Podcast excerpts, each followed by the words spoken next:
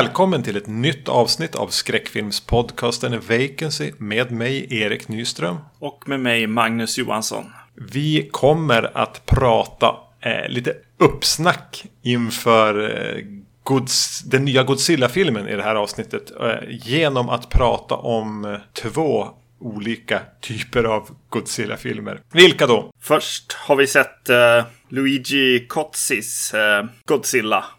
Från 1977. Även känd som Godzilla. Godzilla, ja. Sen så har vi sett Shin, eh, Godzilla från eh, 2016. Mm. Men innan vi startar så tänkte jag göra lite återkoppling. Jag, jag vet att jag har glömt ett mail som vi fick för väldigt länge sedan. Som jag kom på att jag skulle nämna från eh, Marcus. Som eh, först tackar för en fantastisk podd och sen eh, har en önskan till en film. Som är lite intressant tänker jag. Han tycker att vi ska se The Thing från 82, alltså John Carpenters The Thing. ja, det jag reagerade på då är så här, ja, har vi inte gjort den? Men det är ju, det är ju lite sådär att eh, gamla favoriter eller vad man ska säga blir liksom eh, stora eller kanske till och med eh, att det känns som man har sagt allting om dem. Ja men exakt, det är liksom, för mig är det lite en blandning mellan att antingen så har man redan pratat om den väldigt mycket. Eh, eller så har andra pratat om den väldigt mycket. Och lite grann för mig är det även att man vill som spara den karamellen ett tag. Precis, ha någonting stort att prata om någon gång då och då. Ja. Liksom. Men det kan ju hända att, att vi faktiskt skjuter på det lite väl eh, ofta. Det finns många sådana filmer som vi skulle kunna eh, snacka om, helt klart. Och istället lägger tid på, på Luigi Cozzi-filmer. Precis, yes. Sen måste jag eh, berätta också om eh, en rolig sån här eh, händelse som hände när jag åkte buss till jobbet. Ja, med hörlurar och allt. Och då var det någon lyssnare som eh, vågade komma, komma fram när jag skulle stiga av bussen och verkligen så här, säga någonting. Liksom. Titta mig i ögonen och så. Så jag fick ta med hörlurarna. Jaha, det är en lyssnare. Ja, det, det var väldigt eh, roligt och trevligt att våga gå fram även när, när jag går och lyssnar på någonting. Det är liksom ett tillsteg. ja, jag vågar ju knappt prata med en kollega om jag ser att de sitter och lyssnar på Nej, musik. precis. Ja, det var roligt. Gick eh, med huvudet högt till jobbet och berättade vad som just hade hänt. Helt odräglig den dagen. ja, verkligen. Jag, tror, jag tänker inte att man, alltså att man blir igenkänd. Nej, nej. Ja, i och för sig, vi brukar ju dela våra Instagram och sånt där också. Eh, Och så har vi väl någon bild på hemsidan också. Gud, vad länge sedan jag var in på hemsidan. Ja, ja. Huh, ja. Mm. Eh, jo, vi pratade om vi skulle göra eh, Hellboy eller inte. Ja. Neil, Neil Marshalls, eh, lite snabbt sådär, bara för att jag skulle gå och se den så sa du, jag kanske gör det också. ja, det har jag inte gjort. Men borde jag göra det? Jag tyckte det var lite skönt. Vad var det jag hade sett för någonting? Just det, det var någon ny, lite så här små hypad. Var det en skräckis? Jag kom inte... Var inte det här i samma veva som du gick och såg den här eh, black metal-filmen? Eller var det Ass? Eller var det... Ja, Ass var det ja. Det var någon som frågade, ska jag, ska jag se Ass eller Hellboy? Det var lite roligt, rolig fråga sådär. Väldigt olika. Det, så, det som är lite skönt med Hellboy är att, att eh, det är verkligen en film som bara, äh, vi gör det va. Lite de vibbarna jag fick av att se trailern. Mm, väldigt bara in, infall och sådär. Och eh, man känner också av eh, Neil Marshalls eh, förkärlek till England också. Eh, så mycket han bara kan så tar han in lite så här, ja men engelska referenser som rävjakt och alltså, ja, vad som helst liksom egentligen. Bara han får in lite av, av sitt eh, hemland. Det här är första filmen han gör sen typ Centurion. Va? Ja, precis. Jo, han har gjort äh, tv. N- några eh, Game of Thrones avsnitt och sådär. Black Mirror tror jag han har gjort också. Jag har inte sett varken Game of Thrones eller Black Mirror. Jag bara, jag, jag bara sitter och rapar titlar Ja. som jag tänker att a, a, a, andra kan relatera till. Han gjorde något av de här stora, eh, lite tidigare slagen i, i Game of Thrones. Nej, men alltså, visst.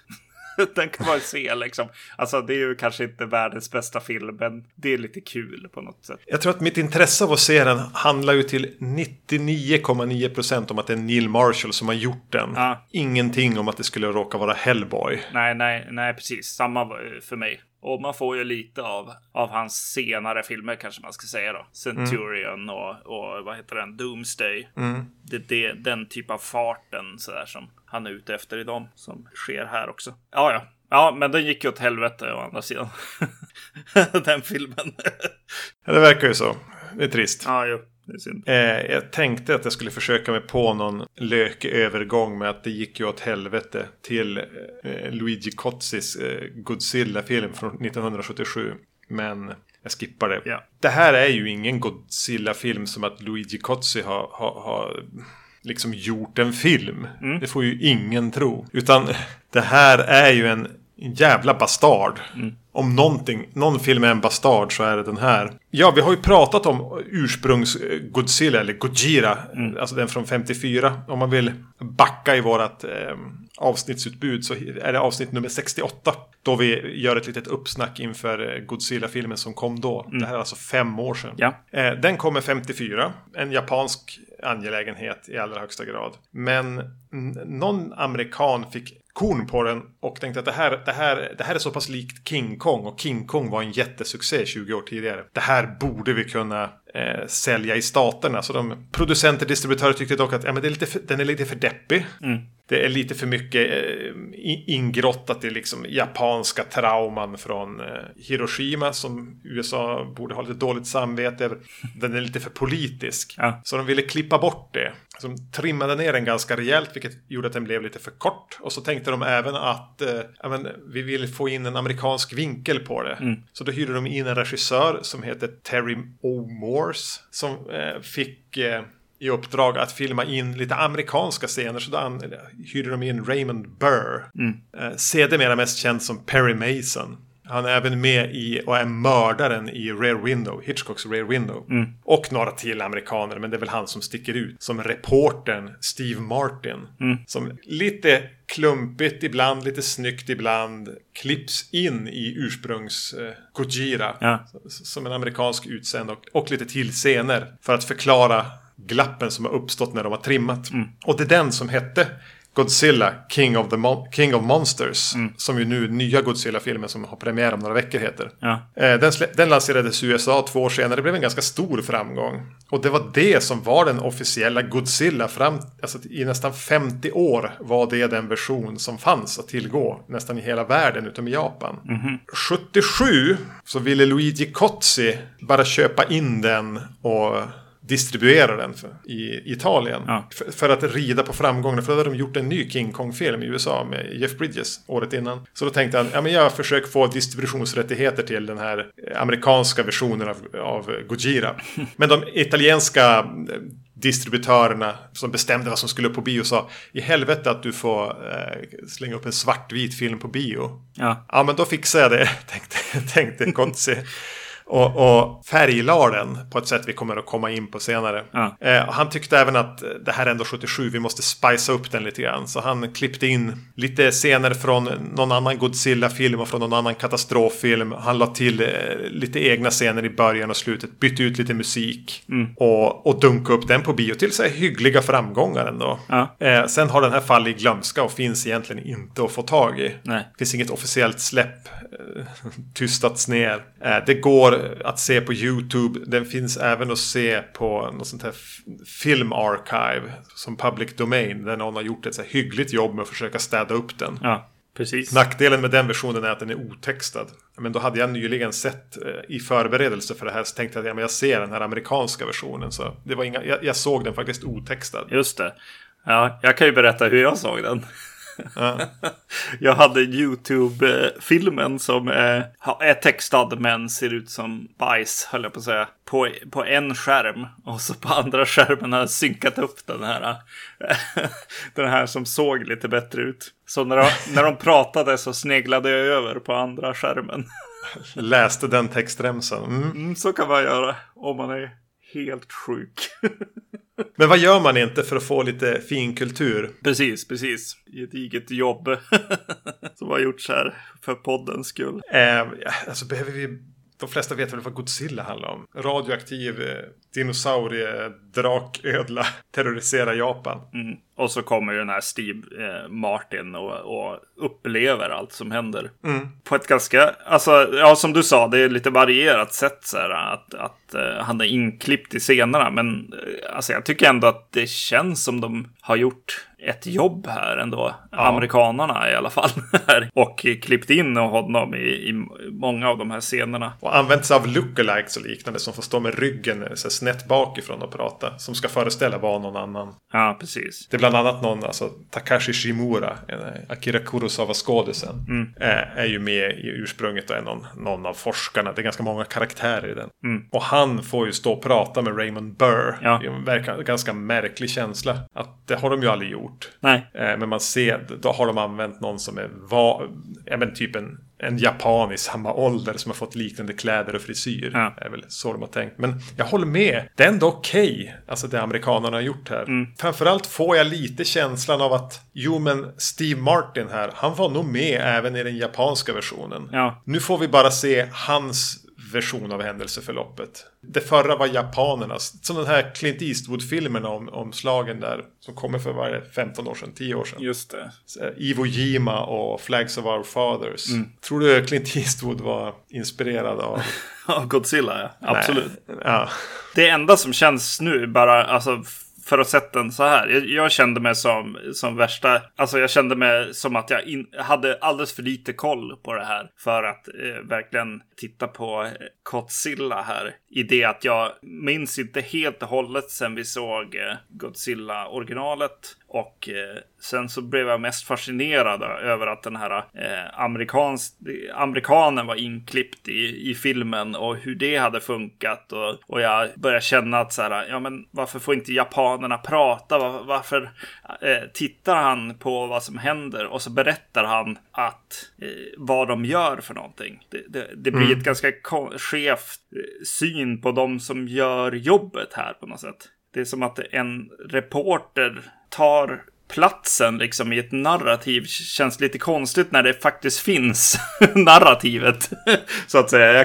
Skådespelarna är där och är beredda att berätta det här för oss. Men han kliver in och, och, och liksom mansplainar en hel film. Ja, ja, precis. Exakt så känns det lite grann. Eh, jag tänker redan i början på den så får man ju se eh, Kotsis bidrag. Kanske det mest tydliga bidraget. Och naturligtvis är ju det ganska smaklöst. Men ändå kanske bland det coolare med den. Mm. Och det är ju den här långa, långa, långa åkningen över eh, vad jag antar är Hiroshima. Alltså, eller resterna av Hiroshima. Förmodligen fotat av någon, något amerikanskt flygplan. Mm. Inte långt efter att de hade släppt bomben. Nej. På en, en, en, helt ödelagd död stad. Till tonerna av lite schysst italiensk 70-tals skräckfilmsmusik. Mm. Oklart om jag vill säga att jag gillar det. Men samtidigt så är det väl kanske sånt som jag vill att det här ska vara. Det här ska vara lite smaklöst, bara ihoplappat och ihopkladdat. Mm. Men I den sekvensen dyker det sen upp så sönderbrända kroppar. Ja. Som uppenbarligen är journalfilmer. Precis, jo. Så vi har ju, vi har ju suttit och tittat på lite snuff här också. Ja, precis. Som återkommer ju sen också lite grann. Mm. Ja, precis. Jo, det blir ju lite, lite hemskt på något sätt. Han lägger tillbaks eh, den lite obehagliga känslan fast på italiensk stil. Vilket då är att gå, gå ännu ett litet steg då. Eh, det är ju vad det, Fabio Frizzi som har eh, gjort musiken tillsammans med, ett, med andra eh, musiker under namnet Magnetic System. mm. Och eh, Fabio Frizzi är ju Lucio Fulcis kompis. jag har, har gjort eh, mycket bra musik till honom. Ja, men det är ju en så här helt okej okay italiensk skräckfilmsmusik som vi får, ja. får njuta av där till bilden av äkta förödelse. Ja. Jo, det är ju lite eh, spännande att, att en färglagd liksom Godzilla-film kommer samma år. Jag tänker som, som Kotsis eh, kompis eh, Dario Argento gör eh, Suspiria. Mm. Tänkte på det lite grann, eh, framförallt i den här färgläggningen då, som är i filmen. Ska vi, ska vi prata redan nu om färgläggningen så har vi... Så har vi gått igenom det. Det, det är väl det som är huvudattraktionen eh, på något sätt ändå. För det är ju inte så att någon har suttit och, och med en liten, liten pensel noga färglagt varenda filmruta och inte heller så att det fanns tillgång till några datorer. Nej. Utan tydligen använder de sig av någon slags geléer, trögflytande vätskor som skulle samlas till olika då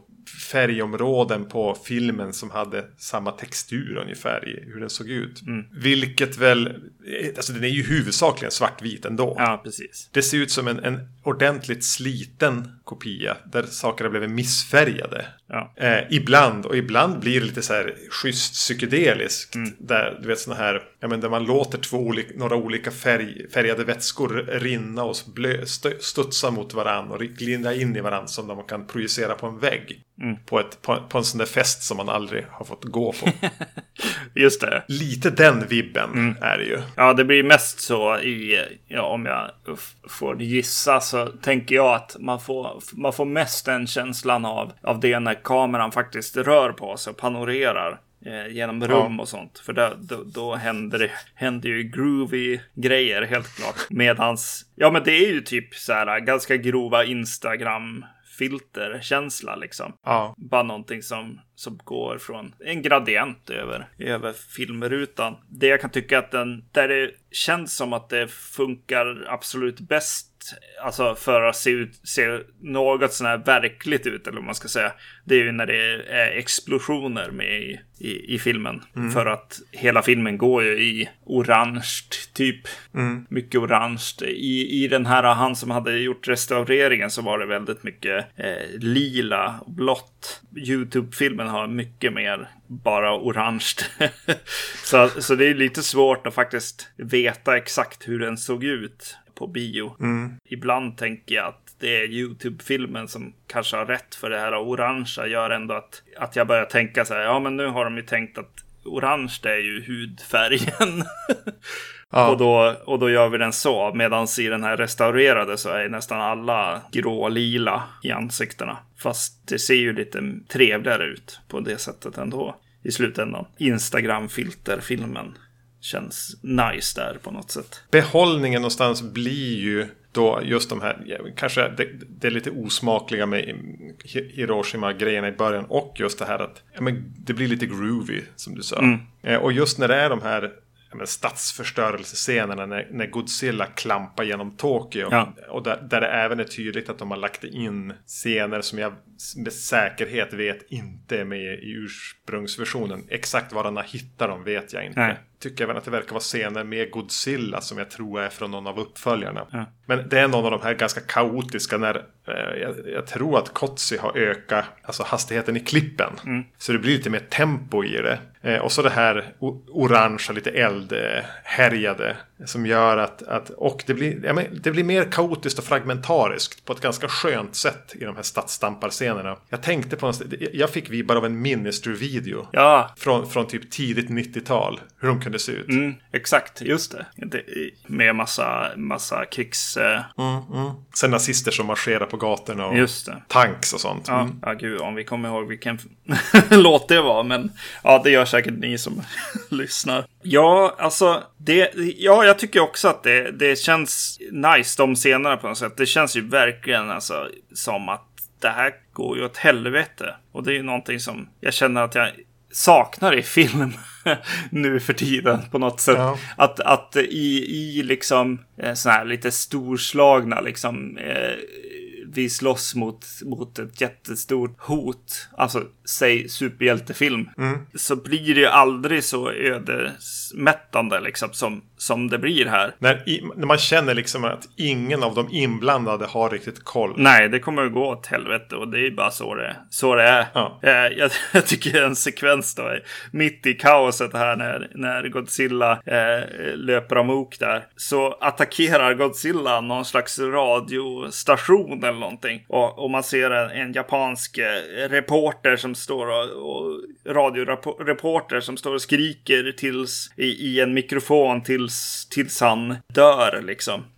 och då säger han, eh, Steve Ma- Martin här, han säger inget kan rädda staden nu.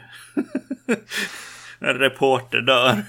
Och då är hoppet ute. Det, det, säger något om hans liksom, syn på livet, eller vad ska jag säga, eller filmens liksom, perspektiv. För det, ändå, det den gör är ju alltså att jag har ändå sett ursprungs Gojira några gånger och jag gillar verkligen den. Mm. Det framgår för mig. Jag tror vi gör, gjorde det båda två när vi pratade om den då för fem år sedan. Absolut. Att det här är lite som en remix på ett ganska skönt sätt. Mm. Att man blir påmind om det som är riktigt bra i den. Jag tänker framförallt ganska tidigt i filmen, strax innan vi får se Godzilla för första gången, så är det en by på en ö utanför Japan. Mm. Där en, en storm sveper in. Ja. Och hela den eh, stormsekvensen är även... Här var det inte just vad Kotze har gjort med den eller vad den här amerikanska Morse har gjort med den. Utan jag blev bara påmind över hur fantastisk den ilskna stormen är på film. Mm. Och de så här, klamrar sig fast inne i de här små hyddorna nästan. Och, och, det blåser verkligen otroligt mycket och regnet bara piskar ner. Mm. Den sekvensen är fantastisk. Och, och det här blev en liten påminnelse om det. Och så mellan varven så får man då lite, lite psykedelia, lite amerikanska referat och uh, italienskt knas.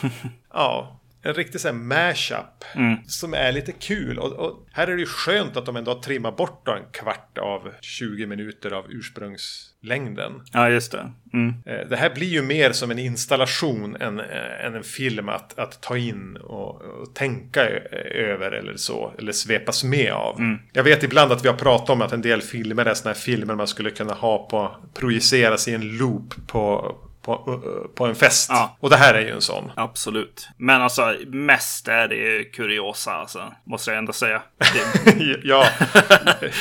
det är verkligen oj. Den här försvunna filmen av, av eh, farbror Kotzi. Som man kan gå och träffa om man vill liksom på hans butik. Där. Dario Argento butik. Eh, ja, det är som roligt. Jo, alltså det är ju fortfarande tveksamt om det är värt att lägga tiden på att se den. Ja, nej, Men...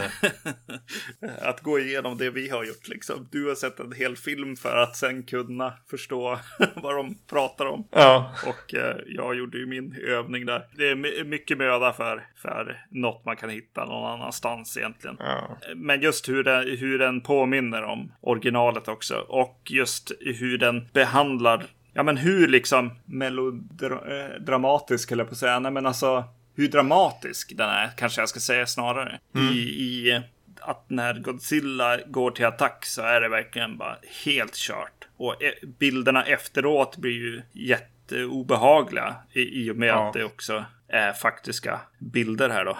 På hemskheter liksom. Och så sen liksom när de väl kommer på hur de ska lösa det så är det en ganska tung liksom grej för personen som har löst det. Men också att, att till slut när de ska använda det här vapnet som de kommer på så, så, så har de en hel kör som bara sjunger en lång psalm innan ja. det ska användas. Och så. Det är ju häftigt alltså. Och det, det, det finner man väl en hel del av också i originalfilmen på något sätt. Så han, har, han kanske har tagit tillbaks lite av det här arvet som filmen går igenom.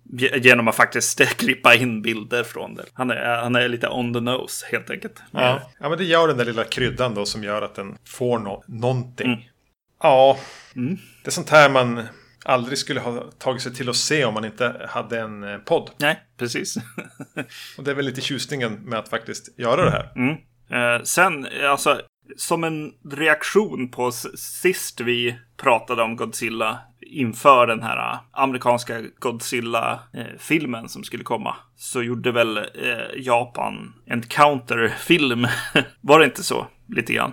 Ja, om det var det att de ville visa vem det faktiskt är som äger franchisen eller vad det är. Mm, precis. För den här kommer ju något år efter då den i mina ögon ganska misslyckade amerikanska, andra amerikanska remaken. Precis, och där, eh, där har de ju också eh, själva, alltså japanerna har ju gått igenom Godzilla och gjort det till något, något helt annat. När vi såg den där, äh, vad heter den, Final äh, Wars eller vad det nu hette. Då hade ju Godzilla gått till en ganska extrem sida liksom av, av liksom meckar och eh, tv-seriekänsla. Det var väldigt... Power Rangers-vibbar. Exakt. Jo, och de har väl som haft, om det jag tror att jag redogjorde för det här när vi, då för fem år sedan. Att det som har funnits tre epoker.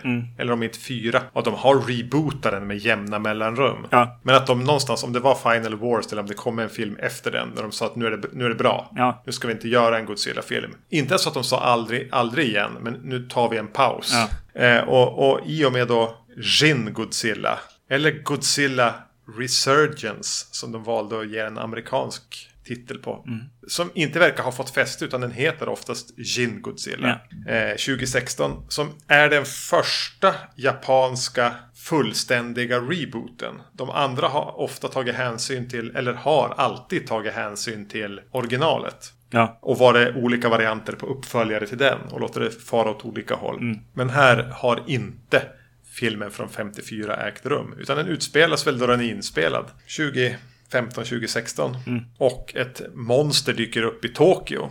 Vinkeln här är inte så mycket att frossa i monsterattack som i att försöka välja en så byråkratisk, realistisk vinkling. Och hur det på något sätt skulle kunna gå till om någonting sånt här skulle hända ur en politisk administrativ eh, förhållningssätt eller vad man ska säga. Ja, precis. Den är re- regisserad av någon som heter, nu ska jag hålla upp mina eh, anteckningar lite närmare ögonen här.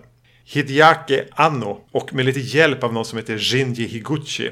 Anno här har en lång karriär av att ha regisserat anime. Precis. Alltså jätte, jättestor eh, serie har han ju gjort. eh, Neon Genesis Evangelion. Säger inte mig någonting men Nej, men det är en av de absolut största anime-män som har gjorts. Så de har ju liksom slagit på stort här. Eh, Jag får en känsla av att, att regissören, eh, alltså co-regissören här, är där för live action elementen. För, för han verkar ha gjort mer live action. Faktiskt eh, lite så här, om jag inte har helt fel, det här var ett tag sedan jag tittade, kollade upp det, men, men det känns som att han har varit med och tagit anime till live action tidigare. Ja men hade inte han gjort den här kasern eller vad det hette? Ja, det kanske han hade gjort, ja. Och även i någon, någon sån här... Äh, nej, nej, nu sitter jag och gissar. Men, men äh, Attack on Titan är också en väldigt stor sån där anime som de har gjort live action av. Och jag har för mig att han hade något med det att göra. Nej men, eh, spännande film att börja se. För att jag, jag, jag var ju lite kvar i att den här Final Wars, eller vad tusan det hette, eh, filmen. Jag var så här bara, ja vad ska det här bli liksom? Kommer det vara, vara lika Power Rangers som dem? Eh, och särskilt att det är massa anime-folk så här. Men alltså jag eh, kommer in i den ganska fort liksom. Eh, det är något som händer i vattnet liksom. Och plötsligt så kommer det upp något rött ur vattnet. Och även så kör det bilar i en biltunnel. Och det var då den fick mig lite grann, filmen. För de, de stannar i en bil. Man, man får följa liksom en bil från liksom point of view, känns det som. Eh, som då åker, åker med in. Och så helt plötsligt så bara rinner det ner, bara som verkar vara typ blod in i tunneln från ovan. Och då kände jag bara, ja men visst. Och det är lite den här, alltså de måste evakuera snabbt. Det känns nästan lite så här, mm, vilket ursprungs-Godzilla också gör att, att den lånar lite grann från en dokumentärkänsla. Här känns det som att det, att det varvas nästan som nyhetsinslag med, ja, val, med traditionellt berättande. Och den har ett fruktansvärt tempo. Just, just det, man kommer in i, i så här, män i krisstationer och, och instruktioner som ropas ut på såna här högtalare och, och som du säger, alltså nyhetsinslag och sånt där. Och, och folk springer på gatorna och så där. Och det, vi är ganska snabbt i vad som är typ deras premiärminister eller vad det handlar om. Som sitter och har samlat några. Nu har det hänt en händelse här. Vad ska vi gå ut med för information? Och så får vi en otrolig massa karaktärer som presenteras. Eh, Och då jag som inte eh, kan japanska eh, utan är extremt beroende av att kunna läsa så var texten både nedanför var vad som sades. Ja, Men ovanför bilden så stod det då var, ja men typ, nu är de i, i högkvarteret hos premiärministern. Ja, Hos eh, kabinettets sekreterare. Jag, så jag hann inte läsa allting. Men ganska snabbt, jag kände mig ganska snabbt ändå trygg att det är inte jätteviktigt vilka alla de här är. Jag kommer inte, inte, jag behöver inte ha memorerat alla ansikten och förstå vilken relation de har med varandra. nej, Utan det här är byråkraternas, beslutsfattarna som ska försöka hantera en extremt ovanlig situation. Mm. Och det kommer komma, komma infall från, eh, infallsvinklar från många olika håll liksom. Ja. Och, och en del av dem är inte viktig vem som säger det, det bara att det sägs liksom. Mm. Jo, men det är ju det som är den här lite ambitionen på realism.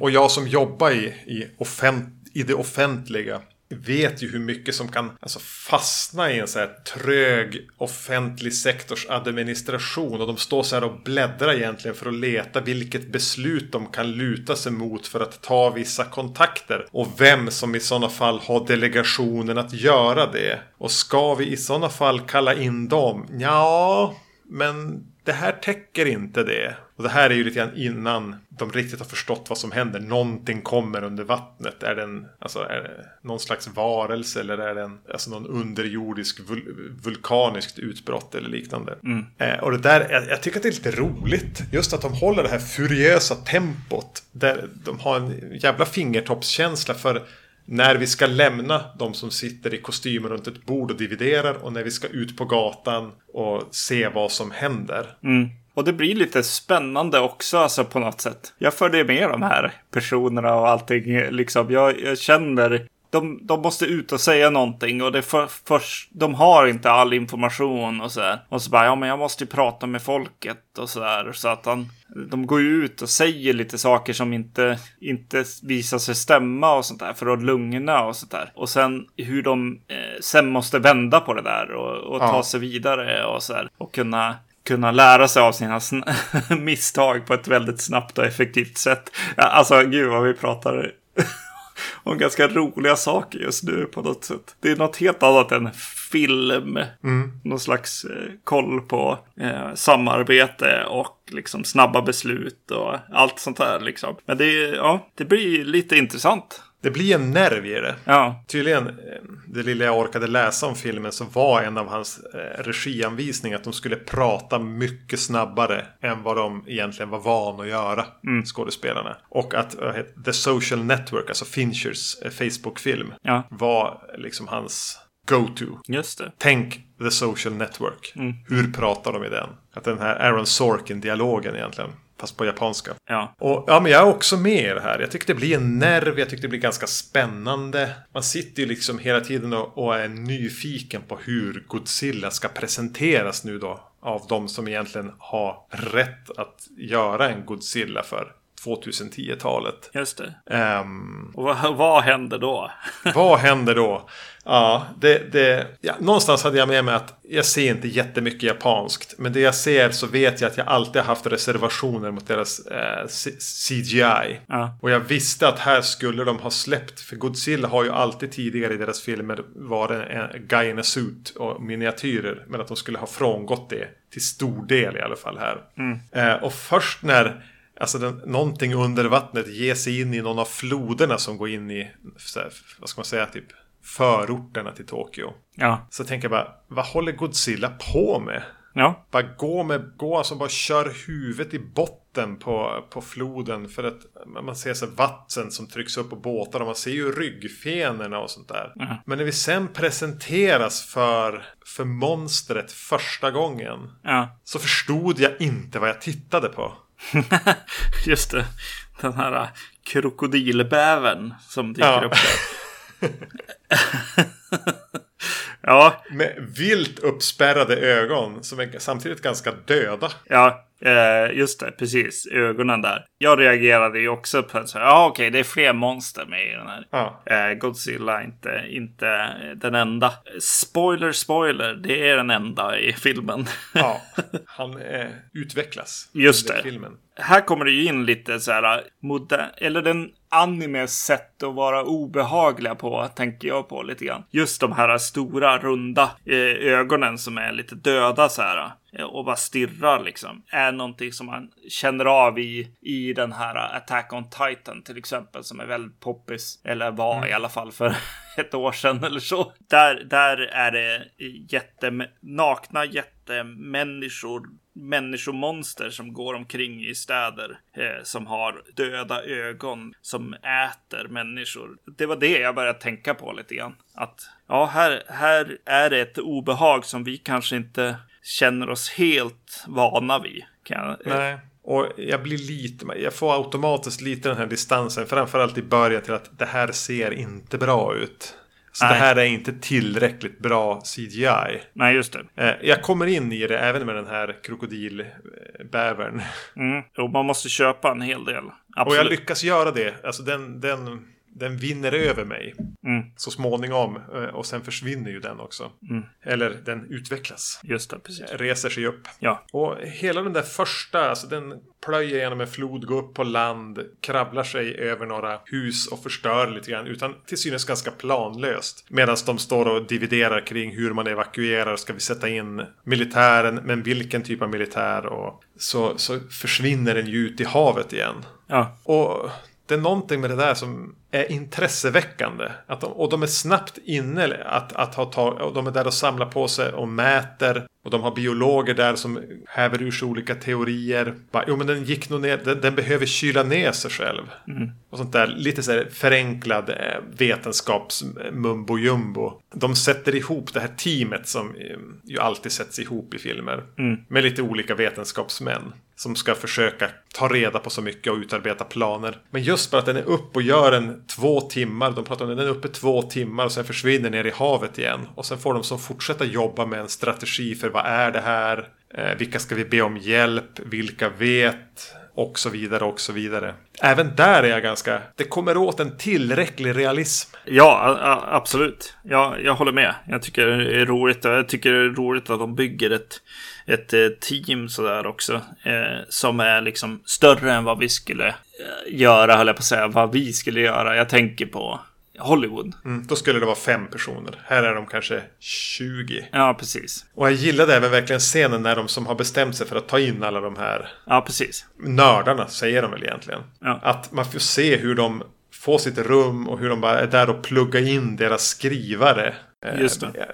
Bär fram borden åt dem och de bara sätter sig ner med sina datorer och börjar jobba. Men just att vi får de här små glimtarna av att det faktiskt finns då de här, så här admin. Mm. Som är där och ger dem förutsättningar. Det kommer även en scen en, en stund senare när de, några sitter och jobbar och någon ligger och sover över tangentbordet. Så kommer det in den här mannen som är där och städar nattetid. Ja. Medan de fortfarande jobbar. Sådana där små glimtarna av den här byråkratiska verkligheten. Ja, precis. Ja, men de gör ju saker som liksom u- u- amerikansk film gör. Liksom, åh, vi kan inte sova förrän vi har löst det här och så här. Det är något slags... Något härligt i det bara. Ja. Det finns en så här eh, förhöjd realism i det. Ja. man ska säga att, ja, men i en, eh, om det ska sättas in militärer som det alltid görs så snabbt i en amerikansk film så är militären där. Här får vi ändå här, följa den frustrerande processen bakom att få dit militären. ja. Det är inte så jävla enkelt. Nej, det är precis. inte bara att trycka på en knapp. Och även just alltså, sätta ihop teamet blir lite mer jordat än vad det skulle ha varit om alltså att det hade varit Zack Snyder. Mm, precis, just det. Och de säger ja. De säger här är det platt, platt hierarki. Här får man säga dumma saker. Alltså, Ja. det är ju fantastiskt bara det. ja, ja. Och, och, och att alla tv-inslagen, eller inte alla, men vissa av tv-inslagen som fladdrar förbi och det är alltid på någon skärm i bakgrunden, är de ofta teckentolkade. Just det. Mm. Bara en sån liten detalj. Eh, definitivt. Och sen, alltså, ja, sen är ju musiken tillbaks också. Ja, Godzilla kommer ju tillbaka sen som den Godzilla vi är vana Ja, att se, se, se hen. Mm. Och då kommer ju även musiken tillbaka. Som ju är eh, otroligt medryckande. ja, definitivt. Det, eh, eh, alltså, i Godzilla från 77 här så känns det som att han, han, han är nära på nuddaren, men han glömmer bort att ta med det, det absolut viktigaste på något sätt. Och här vet de ju vad som är den bra musiken, helt klart. Eh, vad som är eh, Godzilla.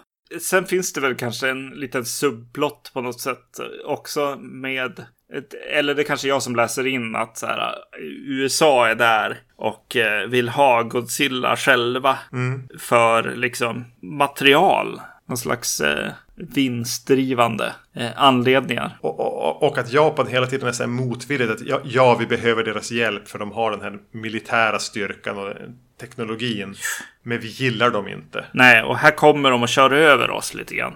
Det är som mm. att de har varit och snott Godzilla tänker jag då. Om jag, ja. om jag tänker lite ja, utanför filmen liksom. Om, om det är så att någon pratar om någonting här eh, som har med hur amerikanerna gör Godzilla-film.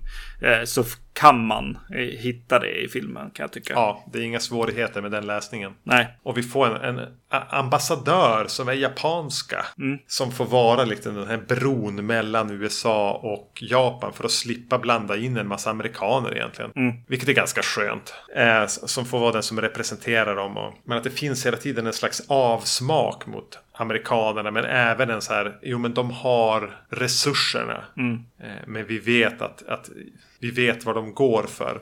Och det blir ju även sen nästan så här globalt politiska diskussioner kring där Kina och Ryssland antar en viss ståndpunkt och de måste fara och övertala Frankrike att, att skjuta på en grej, en, en bombning ett dygn för de tror att de har en annan lösning. Mm. De vill inte behöva nuka Tokyo för att stoppa Godzilla. Nej. Och då, då riktar man in sig på fransmännen. Mm. Eh, Sådana där saker som är lite småkul. Just det, precis. Stoppa USA från att förstöra Tokyo. Men de pratar kanske om förstöra Godzilla. Tänkte ja. jag på också. Men ja, precis. Jo, absolut att det är kul att de tar in lite sådana polit rent politiska eh, saker också. Inte bara filmskapande twister. Kreativa twister. Sen väljer de att göra det här ganska tydligt mer till en katastroffilm än till en monsterfilm. Ja. Eh, den Godzilla som sen kliver in över Tokyo är ju mer som en tromb eller någonting. Det är inte så mycket den personlighet som Godzilla fick utveckla under massor av de här japanska filmerna från 54, alltså under 50 års tid. Nej. Utan det här är bara en stor jävla T-rex Force of Nature, ja precis. Ja, med, med en stel klo och ett, alltså, en av de otäckare Godziller jag sett. Det måste jag säga. Tänderna känns vassa, vassa. Den är mer som en bara plöjer fram, ganska stel. Och effekterna, CGI för mig fungerar ju otroligt mycket bättre när den har antagit den form som vi känner den. Just det, precis. Jo, eh, han har, ibland så har Godzilla kvar eh, i ögonen, ser man. Att, att de här mm. runda ögonen. Och, och då börjar jag tänka på att det här är nog en skräckgrej. Jag tänker på japansk eh, spökfilm. Där de gärna försöker få ögon att ha ögonvita både uppe och nere. Mm. Att det är en liten, liten grej kanske. Eller det är en grej som är jävligt läskigt helt enkelt. och eh, ja, de tar till det lite då och då. även i den här formen. Ja, jag vet inte. Jag, bör, jag börjar gilla det. Jag, det kanske är för att ska, skaparna av den här är anime-folk också. Som att jag, som jag köper lite 3D-effekterna och sånt också. Mm. Det är som att vi är i mellan, mellanvärlden mellan, mellan anime och, och live action. Ja, för jag, jag upplevde mest det att det var så uncanny valley. Nej, inte det. Men alltså bara att det var, det var den här krokodilbävern. Ja. Utan när Godzilla har rest sig upp och plöjer in, då, då är jag helt med. Ja, just det. Om det är det att jag har vant mig eller att jag är mer trygg med Godzilla-formen. Eh, eller vad det handlar om, det vet jag inte. Eller om effekterna är bättre då. Mm. Men där trivs jag. Ja. Och eh, sen blir det lite det här kriget mot Godzilla. De prövar olika saker. Just det. Och till slut släpper de med någon slags bomber som ändå börjar få en effekt. Vilket gör att Godzilla slår tillbaks med sin laser. Ja. Och första gången Godzilla gör det. Mm. Det var någonting med de sekvenserna som var drabbande. Ja. Alltså, väldigt sorgliga. Ja, eh, absolut. Det är jävligt det, det, är riktigt bra alltså. Det är ja. det. och, eh, och just eh, som jag var inne på lite grann i, i Godzilla här. Och det är väl från originalet på ett sätt. Att Godzilla verkligen förstör allt. I slutändan också. Eller eh, i, i alla fall i mitten av filmen någonstans så bara, nej det går ju inte. Exakt. Och det är ju, det är ju en berättarteknisk sak som känns som det bara har gått förlorat på något sätt att så här nederlaget och sen komma tillbaka. Ja. I, i, I den här filmen och även ja, men i avsnittet här så får vi uppleva det. Och jag, jag visste inte att jag saknar det så mycket som jag uppenbarligen gör. Att så här, oj vad kraftfullt det är när det verkligen känns som att nu går det inte. Alltså sorgen som finns i det fullständiga nederlaget. Ja, Ja, jag blev ganska drabbad av det i, i, i den här filmen. ja absolut. Många, alltså storfilmerna har blivit lite tondöva för den känslan. Ja, Eh, den ska hela tiden ner då på, en, på ett personligt plan. I sådana fall att någon har förlorat en nära. Men här är det ju liksom bara känslan av hopplöshet. ja precis. Och inte det att, att Godzilla, det är inte så att man tänker Åh, Godzilla du din. Utan mer bara, jaha. Ja. Man, man köper Godzilla som den tromb det är. Ja. Eh, Och det, blir, det finns någonting vackert i det också. Ja, ja precis. Just det. Du hoppar in lite grann här känns det som. Eh, Men just att hen går tillbaks till vattnet och sen också stannar till ibland. Och bara blir stående liksom och samlar energi eller någonting. Det, ja, det understryker det på något sätt. Där är det liksom. Det, vad ska vi göra nu? Vi kan, vi kan typ gå fram och, och knacka på det. Vi kan klättra upp på det. Vi kan ta selfies utan att det gör någonting. Ja. När som helst så sätter det igång igen. Precis, ja. Mm, ja, det är, det är bra alltså. Man, kan- man kanske ska se mer anime. Också. Det kanske finns där. Eh, en, en, en del. Alltså jag vet att Attack on Titan har lite, lite sådana såna vibbar också. Det är så, så svårt att, att lösa problemet på något sätt. Ja men den här slutar ju som i känslan av att vi har köpt oss lite tid. Ja, just det. Mm. Inte att allting eh, är bra. Men den, den gör heller ingen så här lek. Det dyker inte upp några Godzilla-ägg i kloakerna. Utan den, den vet bara att ja, när som helst kanske. Nu är det stilla. Ja. Mm. Så nu, nu njuter vi Ja, av den här lilla, lilla triumfen som det här kanske innebar. Ja. Ja, nej men alltså vad roligt. Den här har ju stått i hyllan eh, länge nu också. För Ja. vi har pratat om att vi ska eh, se den. Och jag har, jag har sneglat på den som, som en, eh, något som kommer bli lite så här eh, roligt och campy på något sätt. Ja. Och, och på ett sätt så har den ju alltså den ton som jag förväntade mig också i sig. Men är absolut en helt annan, en helt annan film. Den, den byggdes upp för mig bara så här senaste dagarna. Att när jag börjar tänka på den mer så är den kanske egentligen exakt det jag förväntar mig. Mm. Och det, ja, alltså, hit, vi, har ju egentligen bara hyllat den här filmen nu. Ja. Eh, och den är ju inte perfekt, men jag, jag har svårt att hitta de här angreppspunkterna. Kanske blir de här två timmarna utan egentliga huvudkaraktärer, att, att det skramlar lite tomt. Men jag tycker även det finns en styrka i att bara strunta i den här personliga, mänskliga, lilla sidointrigen, utan bara köra på det stora. De stora politiska dragen, hur svårt det är att, att komma till beslut. Och eh, den här hela tiden den här tryckande känslan av att det är kört. Ja, precis. Och ganska det. fyndigt gjort. Och det är ju inte så tonen i den här 2014 Godzilla som, som eh, amerikanska versionen. Det tonen och det anslaget är ju på något sätt mycket pompösare och mörkare än vad anslaget är här. Ja, Här är det mer eh, rappt och ljust och kvickt och så. Det finns inte något påklistrat mörker utan den är ganska konstaterande. just det, precis. Den, den har liksom, den amerikanska har liksom ett, ett, eh, ett mörker som bara liksom är yta på något sätt. Ja. Ja. Som är, egentligen är det en tuggummi eh, film liksom på något sätt. eller, eller ja, popcornfilm kanske. Eh, medans eh, den här liksom Ja, ser den ut som inverterar en- ju det. Den Ja. ser ut som en tuggummi, som Ja. en tuggummifilm. Men är betydligt mörkare. Den har inte försökt sminka upp någonting. Det här är inte bra inför att den går upp på bio snart. Alltså eh, nya Godzilla-filmen. Ja, det är ju den vi har tänkt prata om i nästa avsnitt. Om, Ja, om, precis. om inte det var eh, uppenbart. Ja. men jag, har, jag tror att jag har hittat ett anslag till den. För jag såg en trailer här om dagen och sen kikade jag lite grann på den på IMDB och, och tänkte att det här, jag ska se det som en barnfilm. Ja, alltså eh, regissören här, alltså nu, nu refererar jag egentligen bara till andra poddar här, men just det, nej, det är ju han som har gjort, eh, Vi har pratat om han två gånger. Just de- det, just det. alltså, Dorothy. Just det. Trick or Treat och Krampus. Just det. Och det är någonting med honom och, och eh, barn. Alltså det känns lite bra att han... Eh, vi får se hur bra det blir att han fokuserar kring en barnskådis här. Alltså hur mycket plats hon får. Och om hon håller liksom. Jag får sätta mina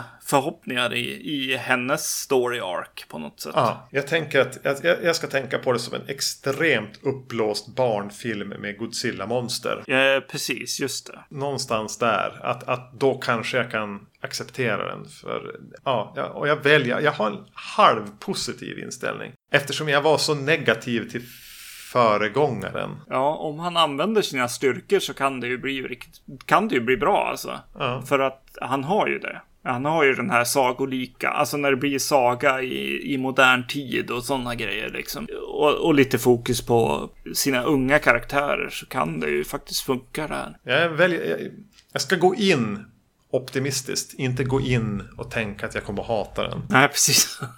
yes. Men eh, Shin Godzilla här ska man ju se. Ja, det tycker jag. Det, det tycker jag absolut. Synd att den inte fick en större spridning än vad den fick. Så Ja. att man fick se vad en, vad en Godzilla-film faktiskt kan leverera. Ja, jag blir sugen på mycket, mycket. Ja, just det. Jag har faktiskt gått och tänkt på en, en anime som jag gillade väldigt mycket. En serie som hette Haibane Renmei. Jag minns att du, att du höll på lite grann med anime där ett tag. Försökte lite grann Ja, jag har locka provat. in mig men jag var ganska ointresserad. Ja, jag har provat lite grann. Och det, det, just den handlar ju om, om ungdomar som är eh, som lever innanför en mur och man vet inte riktigt vad som finns där utanför. Det är liksom en cirkel av, av en mur liksom. Eh, och hur, ingen kommer ihåg hur de var där, eh, kom dit och sådär. Ja, det var eh, lite mysigt. Eh, Varför, jag, varför jag började prata om det var, var väl kanske att eh, jag hoppas på någon kommentar på Facebook om så här, ja men se den här eh, grejen. Efter det här avsnittet också förresten, när vi har pratat om, om den här filmen. Om det är någonting som, som dyker upp i huvudet så tar jag gärna emot eh, förslag. Mm. Så tipsa om eh, riktigt schysst anime då. Ja, precis. Eller live action. Eh, Film som påminner om det här. Man hittar oss på iTunes eller på andra leverantörer av podcast. Vi är alltid tacksamma om man ger oss recensioner, betyg så att vi får lite mer exponering där och kan nå ut till fler lyssnare. Vi finns på Facebook. Det är oftast där man får eh, res- kan få kontakt med oss. Man kan kommentera avsnitten när vi publicerar dem där. Man kan mejla oss på podcast vacancy.se. Eh, Ja, vi finns på Instagram. Det är våra privata Instagram. Jag- är astråkig på Instagram. Ehm, Jag heter Erknym. Och jag heter Zombie Magnus. Tunnelbane fyller selfies. Ja, det blir ju så. Ja. ja, jag är bara sur för att inte jag har en tunnelbana antar jag. Nåväl, eh, nästa avsnitt om inte eh, gudarna vill oss illa så blir det alltså Godzilla King of the Monsters på bio. Yes, ha det. Hej! Hej.